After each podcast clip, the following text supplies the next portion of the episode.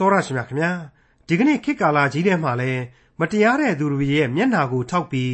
ဘလောက်များကြအောင်တောင်မှ မတရားသဖြင့်စီရင်ကြမှာလဲလို့အော်ဟစ်ညှဉ်းညူရမယ့်အခြေအနေမဟုတ်ပါလား။အိုဖျားသခင်ထ၍မြေကြီးကိုတရားစီရင်တော်မူပါလို့အော်ဟစ်တောင်းပန်ရတဲ့အထိဆိုးဝါးလာတဲ့အခြေအနေကလူသားတွေရဲ့ဘဝကိုဖော်ပြထားတဲ့ခရိယန်တမန်ကျမ်းဓမ္မဟောင်းကျမ်းပိုင်းတွေက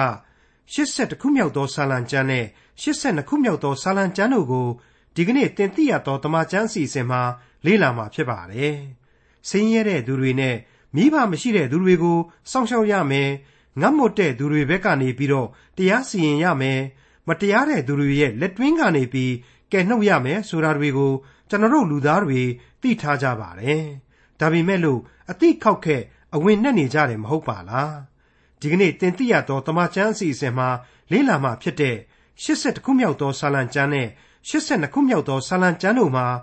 သင်တို့သည်ဖျားဖြစ်ကြ၏ရှိသမျှတို့သည် အမြင့်ဆုံးသောဖျားဤသားဖြစ်ကြ၏လို့ဖော်ပြထားပါတယ်ဖျားရှင်ရဲ့ခြေရာတော်ကိုလွန်လွန်ကျူးကျူးတိုင်းတာလိုက်တာလားမဟုတ်ပါဘူးခမညာလူသားရဲ့မြင့်မြတ်ခြင်းကိုဖော်ပြခြင်းသာဖြစ်တဲ့အကြောင်းဒေါက်တာထွန်းမြတ်အေးကအခုလိုရှင်းလင်းတင်ပြထားပါတယ်သင်သိရသောတမန်ကျမ်းရဲ့မိတ်ဆွေတော်တတ်ရှင်အပေါင်းတို့ခမညာ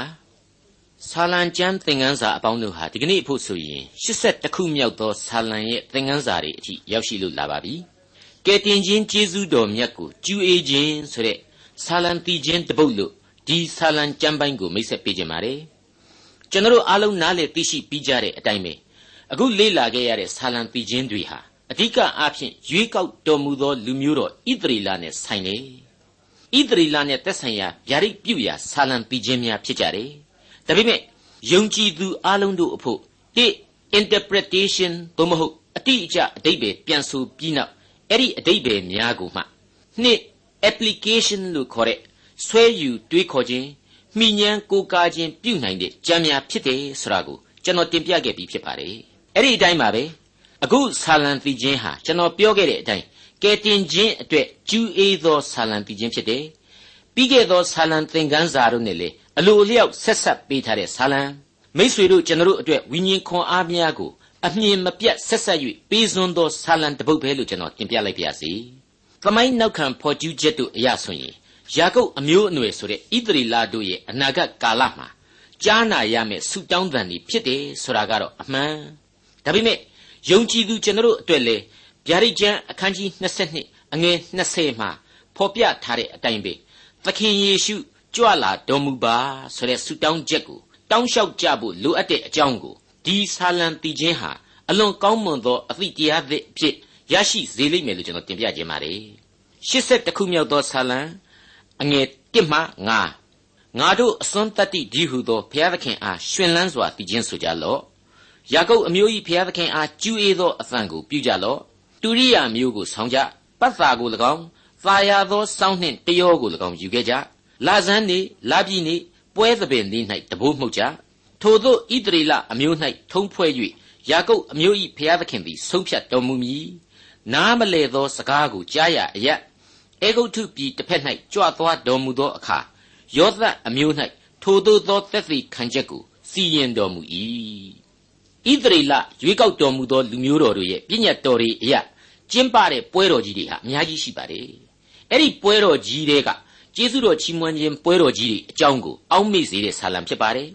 အထူးသဖြင့်ပတ်သက်ခါဆိုတဲ့အပြည့်ရဲ့ကျွန်ဘဝကလွတ်မြောက်ခြင်းနဲ့သေခြင်းမှလွတ်မြောက်ခြင်းဆိုင်ရာပွဲတော်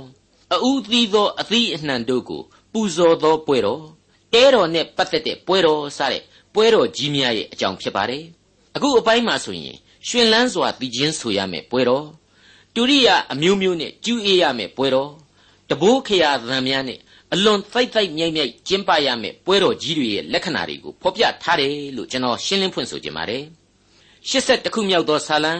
အငယ်8မှ12ငါဤလူစုနားထောင်လော့ငါမှားထားမည်အိုဣသရေလအမျိုးသင်သည်ငါစကားကိုနားထောင်ပါစေသော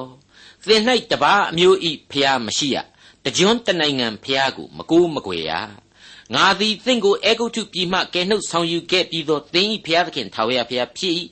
သင်ဤနှုတ်ကိုကြဲကြဲဖွင့်လော့ဝပြောစွာငါကြွေးမည်ငါဤလူများမူကားငါစကားကိုနားမထောင်ကြဣသရေလအမျိုးသည်ငါ့ကိုအလိုမရှိကြပါတကားငါသည်လည်းထိုသူတို့ကိုသူတို့နှလုံးခိုင်မာခြင်း၌အပ်၍သူတို့သည်မိမိတို့အလိုသို့လိုက်ကြ၏ဣသရေလဆိုတဲ့ရွေးကောက်ထားတဲ့လူမျိုးတော်ကိုအဲဂုတ်ထုနိုင်ငံကြီးရဲ့ကျွန်ရိပ်ကနေထုတ်ဆောင်ခဲ့ခြင်းအပေါ်မှာအခြေခံပါတယ်ကျွန်တော်ယုံကြည်သူများရဲ့အ ပြစ်တရားမှလွတ်လပ်စွာထွက်ခွာနိုင်ခြင်းအကြောင်းကိုဒီကျမ်းဟာပြန်လည်သတိရစေပါတယ်ဒီအပိုင်းမှာဘုရားသခင်ရဲ့ဗျာဒိတ်တော်များအရာငါသည်လေသူတို့ကိုနှလုံးခိုင်မာခြင်း၌အပ်လိုက်တယ်ဆိုတာကိုတချို့အထင်လွဲမှာဆိုလို့ဒီနေရာမှာရှင်းနေပါတယ်ဘုရားသခင်ဟာအေဂုတ်ထုနိုင်ငံကဖာရောဘုရင်ကိုလည်းအဲ့ဒီလိုပဲနှလုံးဆက်လက်ခိုင်မာစေတယ်ဆိုပြီးတော့ဖော်ပြတဲ့အချိန်တုန်းကကျွန်တော်ဒီအကြောင်းကိုရှင်းလင်းခဲ့ပြီးသားပါငကိုတဲကမိုက်တွင်းနေတဲ့လူဇယိုက်ကျမ်းတဲ့လူမတရားတဲ့လူ မယိုင်းလက်ဆရှိသူအကျိုးသင့်အကြောင်းသင့်ဆုံးမလို့မရနိုင်တဲ့လူဒန်းစားတွေကိုဖျားသခင်ဟာကြိုးရှိရှိနဲ့လှန်လိုက်တယ်ဆိုတဲ့အတိတ်ပဲကိုဒီသူတို့ကိုနှလုံးခိုင်မာခြင်း၌အပ်လိုက်၏ဆိုတဲ့အတိတ်ပဲနဲ့နားလည်နိုင်ပါ रे မိษွေတို့ခမညာနှလုံးခိုင်မာခြင်း၌ကျွန်တော်တို့ကိုအပ်တာကိုကျွန်တော်တို့ခံယူခြင်းပါသလားကျေးဇူးတော်ကိုခံစားရတယ်အထက်ထက်သတိပေးတယ်ဗျာဒိတ်တော်တွေနဲ့နှုတ်ကပတ်တော်တွေနဲ့ဆုံးပါတယ်လမ်းပြပို့ဆောင်တော်မူတယ် ကျွေးမွေးပြုစုတော်မူတယ်ဒီကြားထဲကဘုရားသခင်ကိုထော်လော်ကန့်လန့်လုပ်တယ်အဲ့ဒါနဲ့ပဲနောက်ဆုံးမှာလွတ်ပေးလိုက်ရတယ်ဆိုတဲ့သဘောမျိုးကိုကျွန်တော်တို့ခံစားကျင်ကြပါသလားအဲ့ဒီလိုစိတ်နှလုံးခိုင်မာဖို့ကြိုးရှည်ရှည်နဲ့လှန်ပေးလိုက်တဲ့ဘုရားသခင်ဟာကျေးဇူးဂရုဏာတော်နဲ့ပြည့်စုံတော်မူပြန်တယ်ဆိုတာကိုအခုဆာလံတည်ခြင်းဆရာဟာဆက်လက်ဖော်ပြလိုက်ပါတယ်82ခုမြောက်သောဆာလံအငယ်73မှ76ငါဤလူစုသည်ငါစကားကိုနားထောင်၍ ဣသရေလအမျိုးသည်ငါလမ်း၌လိုက်ပါစေသောလိုက်လျင်ငါသည် သူတို့ရန်သူများကိုအလျင်အမြန်နှိပ်စက်၍ရန်ဘက်ပြုသောသူတို့ကိုတန်ခတ်မည်ထာဝရဘုရားကိုမုန်းသောသူတို့သည်တောင်းပန်ခြင်းကိုပြု၍ငါဤလူတို့သည်လည်းအစဉ်အမြဲတည်ရသောအခွင့်ရှိကြလိမ့်မည်အကောင်းဆုံးသောဆန်စပါးနှင့်ငါကြွေးမည်ကြောက်ထဲကထွက်သောပြားရည်နှင့်လည်းဝပြောစေမည်အထက်ကပြီးခဲ့တဲ့အငယ်30မှာဆိုရင် ဣသရေလဟာငါစကားကိုနားမထောင်ကြပါတကားဆိုပြီးတော့ဘုရားသခင်ဖော်ပြခဲ့ပါတယ်အခုအပိုင်းမှာကြတော့အကယ်၍သာလျှင်ဣသရေလလူမျိုးတို့ငါစကားကိုနားထောင်ခဲ့ပြီးရှိသောဆိုတဲ့ချွင်းချက်ကိုဖော်ပြလာပါတယ်ကျွန်တော်အကြိမ်ကြိမ်ဖော်ပြခဲ့တဲ့အတိုင်းပဲလူသားကိုဆုံးမပေးသောအချက်တစ်ချက်ပဲဖြစ်တယ်လို့ကျွန်တော်အခိုင်အမာဆိုချင်ပါတယ်အသက်လန်းနဲ့အပြစ်လန်းလမ်းနှစ်သွယ်ဆိုတာဟာကျွန်တော်တို့လူပောင်လောကမှာရှိနေပါတယ်ဘယ်လမ်းကိုလိုက်ကြမလဲဆိုပြီးတော့ဣသရေလလူမျိုးတော်ကိုမူတည်ပြီးတော့ ကျွန်တော်တို့မိษွေတို့ဖြေချားကြရအောင်လို့မေကွန်းထုတ်လိုက်သောဆာလံပြီးခြင်းပဲဖြစ်တယ်လို့ကျွန်တော်ဆိုချင်ပါတယ်ဣသရေလလူမျိုးတော်ရဲ့အတိတ်ကာလမှာတော့က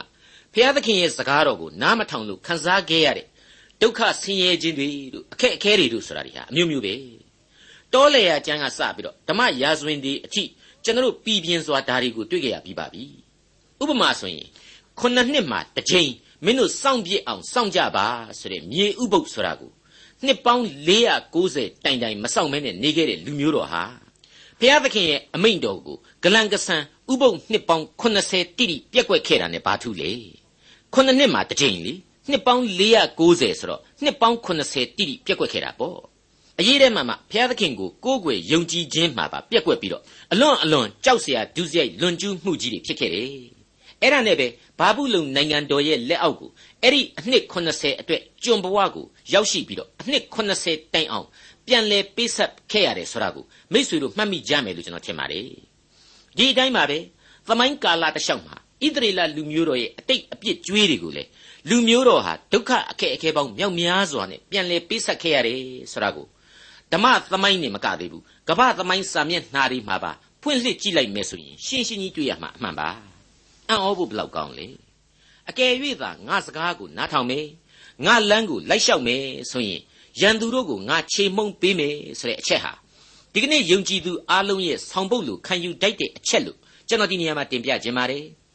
ကျွန်တော်အဖို့မလွတ်သားတဲ့လောကရန်ဖီစီဆင်းရဲခြင်းတွေပတ်ဝန်းကျင်လှိုင်းကြရက်တွေနဲ့အတူကျွန်တော်ရဲ့ဇာတိပဂရိစိတ်အစွဲအလန်းတွေတဏှာပေမအပေါင်းတို့ဟာကျွန်တော်ရဲ့ရန်သူတွေပဲလို့ကျွန်တော်မမြင်နိုင်ဘူးလား တခါတလေမှရှေ့လန်းကိုတောင်ဘယ်လိုလျှောက်ရမှန်းမသိတဲ့အထိအမောဆို့သွားရတယ်ကျွန်တော်ဘဝမှာခရစ်တော်ဒီဟူသောကြောက်မှအသက်ဆန်းရည်ခရစ်တော်ဒီဟူသောကြောက်မှအသက်မုံနဲ့တူတဲ့ပြားရည်ကိုဝါပြောစွာစားနိုင်ကြဖို့အခွင့်ရှိတယ်ဆိုတာကိုဒီဆာလံဟာကျွန်တော်တို့ကိုတွင်တင်ပေးလိုက်ပါတယ်အခုအချိန်မှာတော့82ခုမြောက်သောဆာလံတည်ခြင်းအပြင်လူသားအချင်းချင်းကြားမှမတရားမှုများကိုဘုရားသခင်စီရင်ပေးမယ်ဆိုတဲ့အကြောင်းကိုဆက်လက်လေ့လာကြည့်ကြပါအောင်စို့ 82ခုမြောက်သောဆာလံအငယ်1မှ4ဘုရားသခင်သည်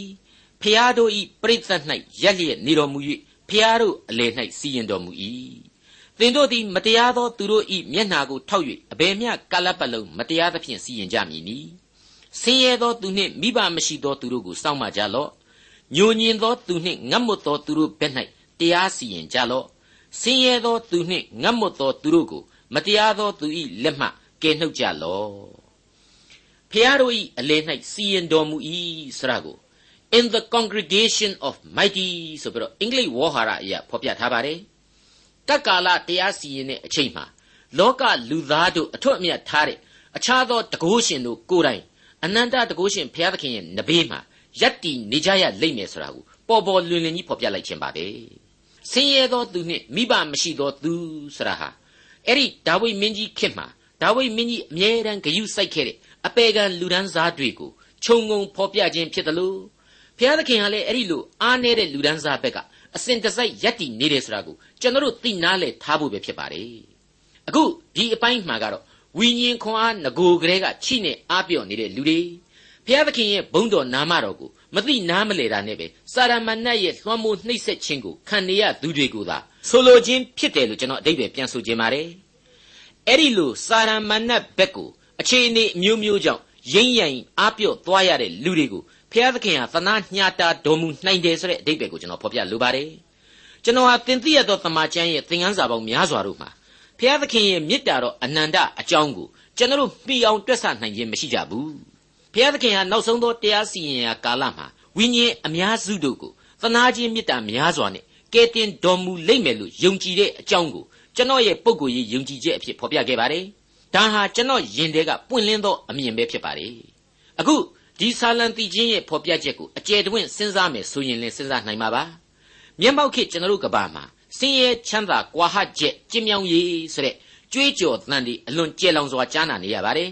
ဖိနှိပ်သူနဲ့ဖိနှိပ်ချင်းခံရသူ တနည်းအားဖြင့်အဖိနှိပ်ခံလူဒန်းစားဆရာဟာလေဘလောက်ပဲတိုက်ဖြတ်နေနေသမိုင်းနဲ့ရှင်ထာဝစဉ်တရှိနေစေပဲလို့ကျွန်တော်ယူဆပါတယ်အဖိနှိပ်ခံလူဒန်းစားဆိုတဲ့ပစ္စည်းမဲ့လူဒန်းစားတွေကိုဘုရားသခင်သနာညှာတာခြင်းကိုဓမ္မသမိုင်းဟာအတိအကျဖော်ပြထားပါတယ်ဒါပေမဲ့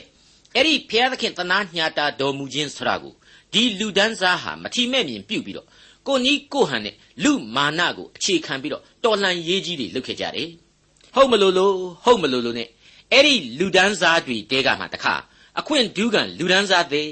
the new class ဆိုတာဟာပေါ်ပေါက်လာပြီးတော့ဒီတော်လှန်ရေးကြီးတွေဟာဖွဲ့ပြီးသွားရတယ်ပြက်သွားခဲ့ရတယ်ဆိုတာကိုလက်တွေ့မြင်နိုင်ပါတယ်ဘယ်လိုပဲဖြစ်ဖြစ်အခုဆာလံဒီအပိုင်းအခြားအရာကျွန်တော်တို့ဟာဘယ်လို့မှမမေ့ဖြောက်တဲ့ဗျာဒိတ်တော်ကိုကြားနာရပါပြီကယ်တင်ရှင်သခင်ခရစ်တော်ရဲ့တရားစီရင်တော်မူရာကာလဆိုတာဟာမလွဲမသွေရောက်ရှိလာမှာကိုဖြစ်တယ်သခင်ခရစ်တော်ရဲ့ကောင်းကင်နိုင်ငံတော်ဟာမြေပေါ်မှာအမှန်တည်ထောင်လာရလိမ့်အောင်မယ် အဲ့ဒီအချိန်အခါမှာတော့ကမ္ဘာသမိုင်းကဘယ်အဘိဓမ္မာကမျှမရှင်းနိုင်တဲ့သမိုင်းရဲ့ပြဿနာတွေဟာအကျွင့်မဲ့ရှင်းလင်းသွားရမှာသာဖြစ်တယ်ဆိုတာကိုဒီဆာလံသိခြင်းအဖြစ်ကျွန်တော်နားလည်ခံစားရပါတယ်82ခုမြောက်သောဆာလံအငယ်9သူတို့သည်မသိနားမလေကြမှောင်မိုက်၌ကျင်လေကြ၏မြေကြီးတိုက်မြစ်အပေါင်းတို့သည်လှုပ်ရှားလျက်ရှိကြ၏ကျွန်တော်စောစောပိုင်းကဖော်ပြခဲ့တဲ့အချက်တွေကိုမိษွေတို့သဘောတူခြင်းတူမယ် တူခြင်းမှလည်းတူမယ်ကျွန်တော်ကရောကိုယ်တိုင်အဘိဓမ္မာကြီးထုတ်ပြီးပြောဝင်တာတယ်လားဆိုတော့မဟုတ်ပါဘူးနှုတ်ကပတ်တော်ကသွန်သင်လို့ရရှိလာတဲ့အဖြေသာဖြစ်ပါတယ်ဟုတ်ပါတယ်လောကသစ္စာကိုခုံမနှက်စီးပြီးတော့အဘိဓမ္မာစာအုပ်ကြီးတွေဂျမ်းကြမှာညှက်တိုက်ပုံအစုပ်ဝတ်ပြီးတော့ပစိုးတိုတိုလေးဆင်ပြီးတော့ရှာဖွေတိုင်းလည်းမတွေ့မြင်နိုင်ပါဘူးဒါဟာကိုယ့်ရဲ့လက်ယုံကိုအားကိုခြင်းကိုယ့်ရဲ့အုံနောက်ကိုကိုအားကိုခြင်းအခက်မသိလို့ရှိရင်လူကြောင်တယောက်သာဖြစ်သွားနိုင်ပါတယ် ဖြစ်တဲ့လူတွေလည်းဖြစ်ကုန်ကြခဲ့ပြီဆိုတာကိုကျွန်တော်ဘဝမှာအများကြီးကြုံမှုပါတယ်အခုဆာလန်ဆရာကလည်းဒါကိုတဲ့တဲ့ကြီးပြောလိုက်ပါတယ်ဖျားသခင်မပါဝင်မှန်ကန်တဲ့တရားကိုမမြင်တဲ့လူသားတွေဟာမသိနားမလဲဂျင်းကြီးတွေနဲ့ပဲအသက်တာနေ့ရက်ကြီးကုံလွန်ပြီးနေကြရတယ်အဲ့ဒီအချိန်မှာတော့လူလောကဟာလှုပ်ရှားခြင်းများစွာနဲ့ဖြစ်တည်နေရလိမ့်မယ်တဲ့ဘလောက်လက်တွေ့ကြသလဲလွန်ခဲ့တဲ့နှစ်ပေါင်း90ကျော်လောက်ကတည်းကလူသားကောင်းစားရေးဝါဒဆိုတဲ့အသံဟာ ကဘာပေါ်မှာရှမ်းနေအောင်ကြားရပါတယ်တတော်လှန်ရေးအတွေ့အခေါ်ကြီးတည်းရပေါ့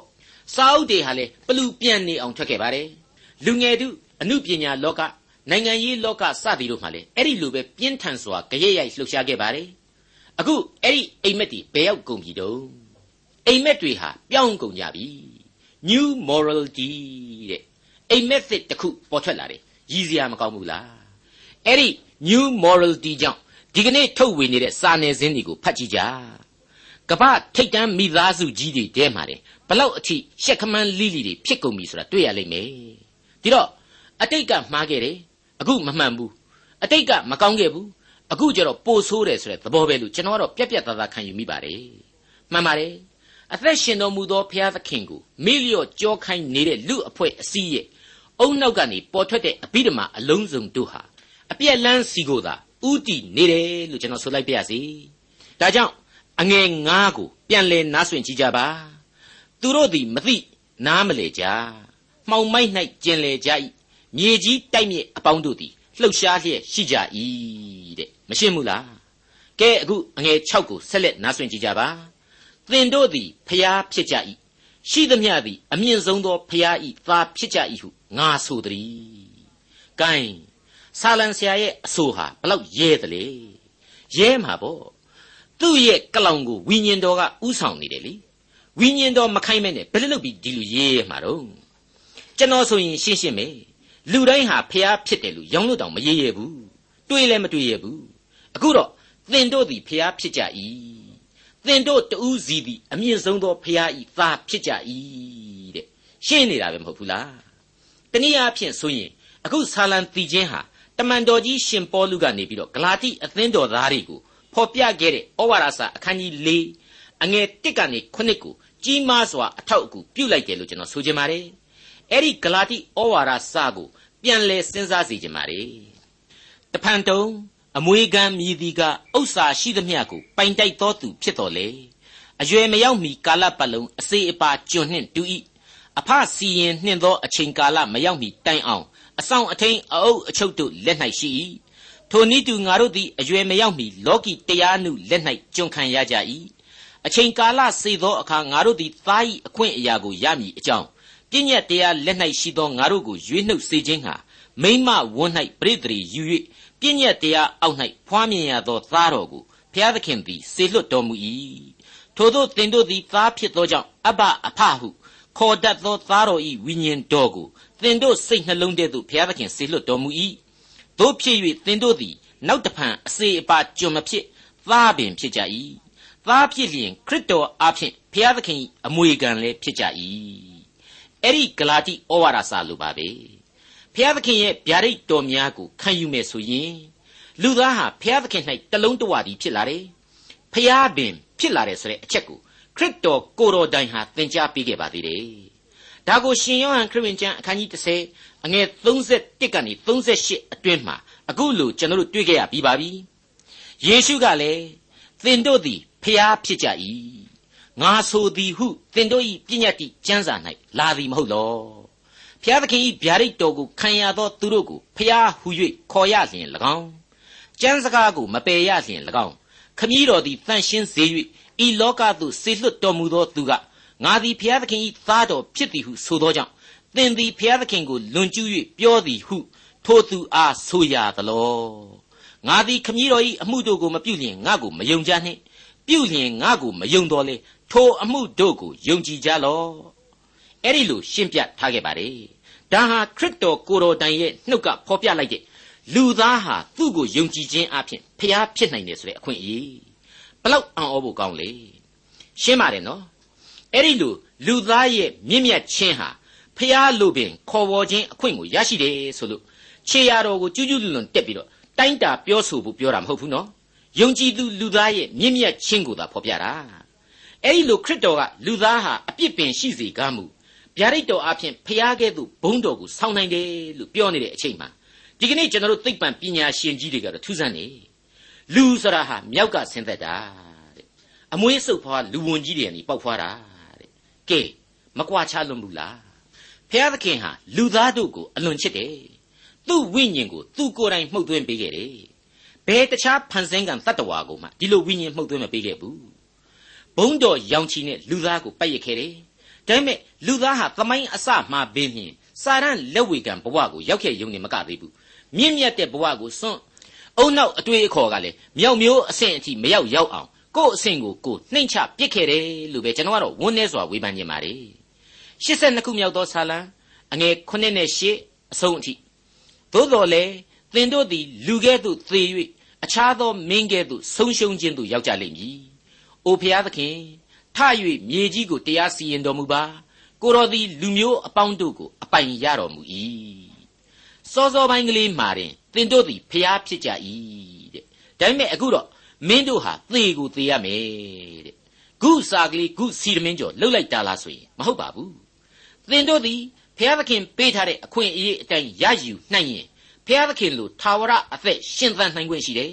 ။ဖျားဖြစ်ခြင်းဆိုတဲ့အလွန်မြင့်မြတ်တဲ့ဘုန်းတော်ကိုအမွေအဖြစ်ခံယူရရှိလိမ့်မယ်။ဒါပေမဲ့ဘာပဲပြောပြောလူဇာတိမှာရှင်သန်တဲ့လူများပြီးပြီးလူလောကဓမ္မတာထုံးစံအတိုင်းတနေ့တော့သေကိုသေကြရမှာကြီးပဲတဲ့။ သေတဲ့နေရာမှာလေမင်းတို့ကြီးပဲမဟုတ်ဘူး။မင်းတို့ကိုအမြဲလွှမ်းမိုးနေတဲ့စာရမဏတ်ဟာလည်းပဲဒီအတိုင်းပဲကတ်ကာလအဆုံးမှာမြေပေါ်ကနေဏီကုန်းချုပ်သွားရလိမ့်မယ်ဆိုတာကိုပါထဲ့သွင်းဖော်ပြလိုက်ပါတယ်ဟုတ်ပါတယ်စာရမဏတ်ကြောင့်လူသားဟာအပြစ်နွန်တွင်းကိုသက်ဆင်းရတယ်အဲ့ဒီအပြစ်တရားရဲ့အဖို့အခကိုလေလူသားတိုင်းဟာပေးဆက်ကြရလိမ့်မယ်လူသားကိုသေစေညှို့တဲ့စာရန်ဟာလေကတ်ကာလအဆုံးမှာလုံးဝဖျက်ဆီးခြင်းကိုခံရမယ်ဆိုတာဒီကို ဗျာဒိတ်ကျမ်းဟာဖော်ပြပေးထားပါတယ်မိษွေတော်တတ်ရှင်အပေါင်းတို့ခမညာ82ခုမြောက်သောဆာလံရဲ့အစပိုင်းမှာလူသားအချင်းချင်းကြားကမတရားသဖြင့်စီရင်ခြင်းဆင်းရဲသားနဲ့မိဘမဲ့တို့ကိုမညာတာတတ်ခြင်းဆိုတဲ့လူလောကတရားစီရင်ခြင်းအကြောင်းဒီကိုဖော်ပြခဲ့ပါတယ်အခုဏီကုန်းပိုင်းမှာကျတော့အိုးဖျားသခင်ထ၍မြေကြီးကိုတရားစီရင်တော်မူပါကိုတော်သည်လူမျိုးအပေါင်းတို့ကိုအပိုင်ရတော်မူ၏ဆိုပြီးတော့ဖော်ပြလိုက်ပါတယ် မြေကြီးကိုတရားစီရင်ပါဆိုတာဟာလူသားအပါအဝင်မြေသားအလုံးနဲ့အကျုံးဝင်နေကြောင်းတင်ပြလိုက်ပါရစေဒီနေရာမှာကျွန်တော်ယုံကြည်သူခရိယန်တို့အဖို့ကိုယ်အသက်တာမှာကိုယ်ရင်ဆိုင်နေရတဲ့လူလူချင်းတရားစီရင်ခြင်းတွေနဲ့ဘုရားသခင်ရဲ့စီရင်တော်မူခြင်းတွေဘလောက်အထိကွာခြားတယ်ဆိုတာကိုကောရိန္သုဩဝါဒစာအားဖြင့်အခုလိုကျွန်တော်တို့ဆင်ခြင်နှလုံးသွင်းနိုင်ပါတယ်ကောရိန္သုဩဝါဒစာပထမစာဆောင်အခန်းကြီး၄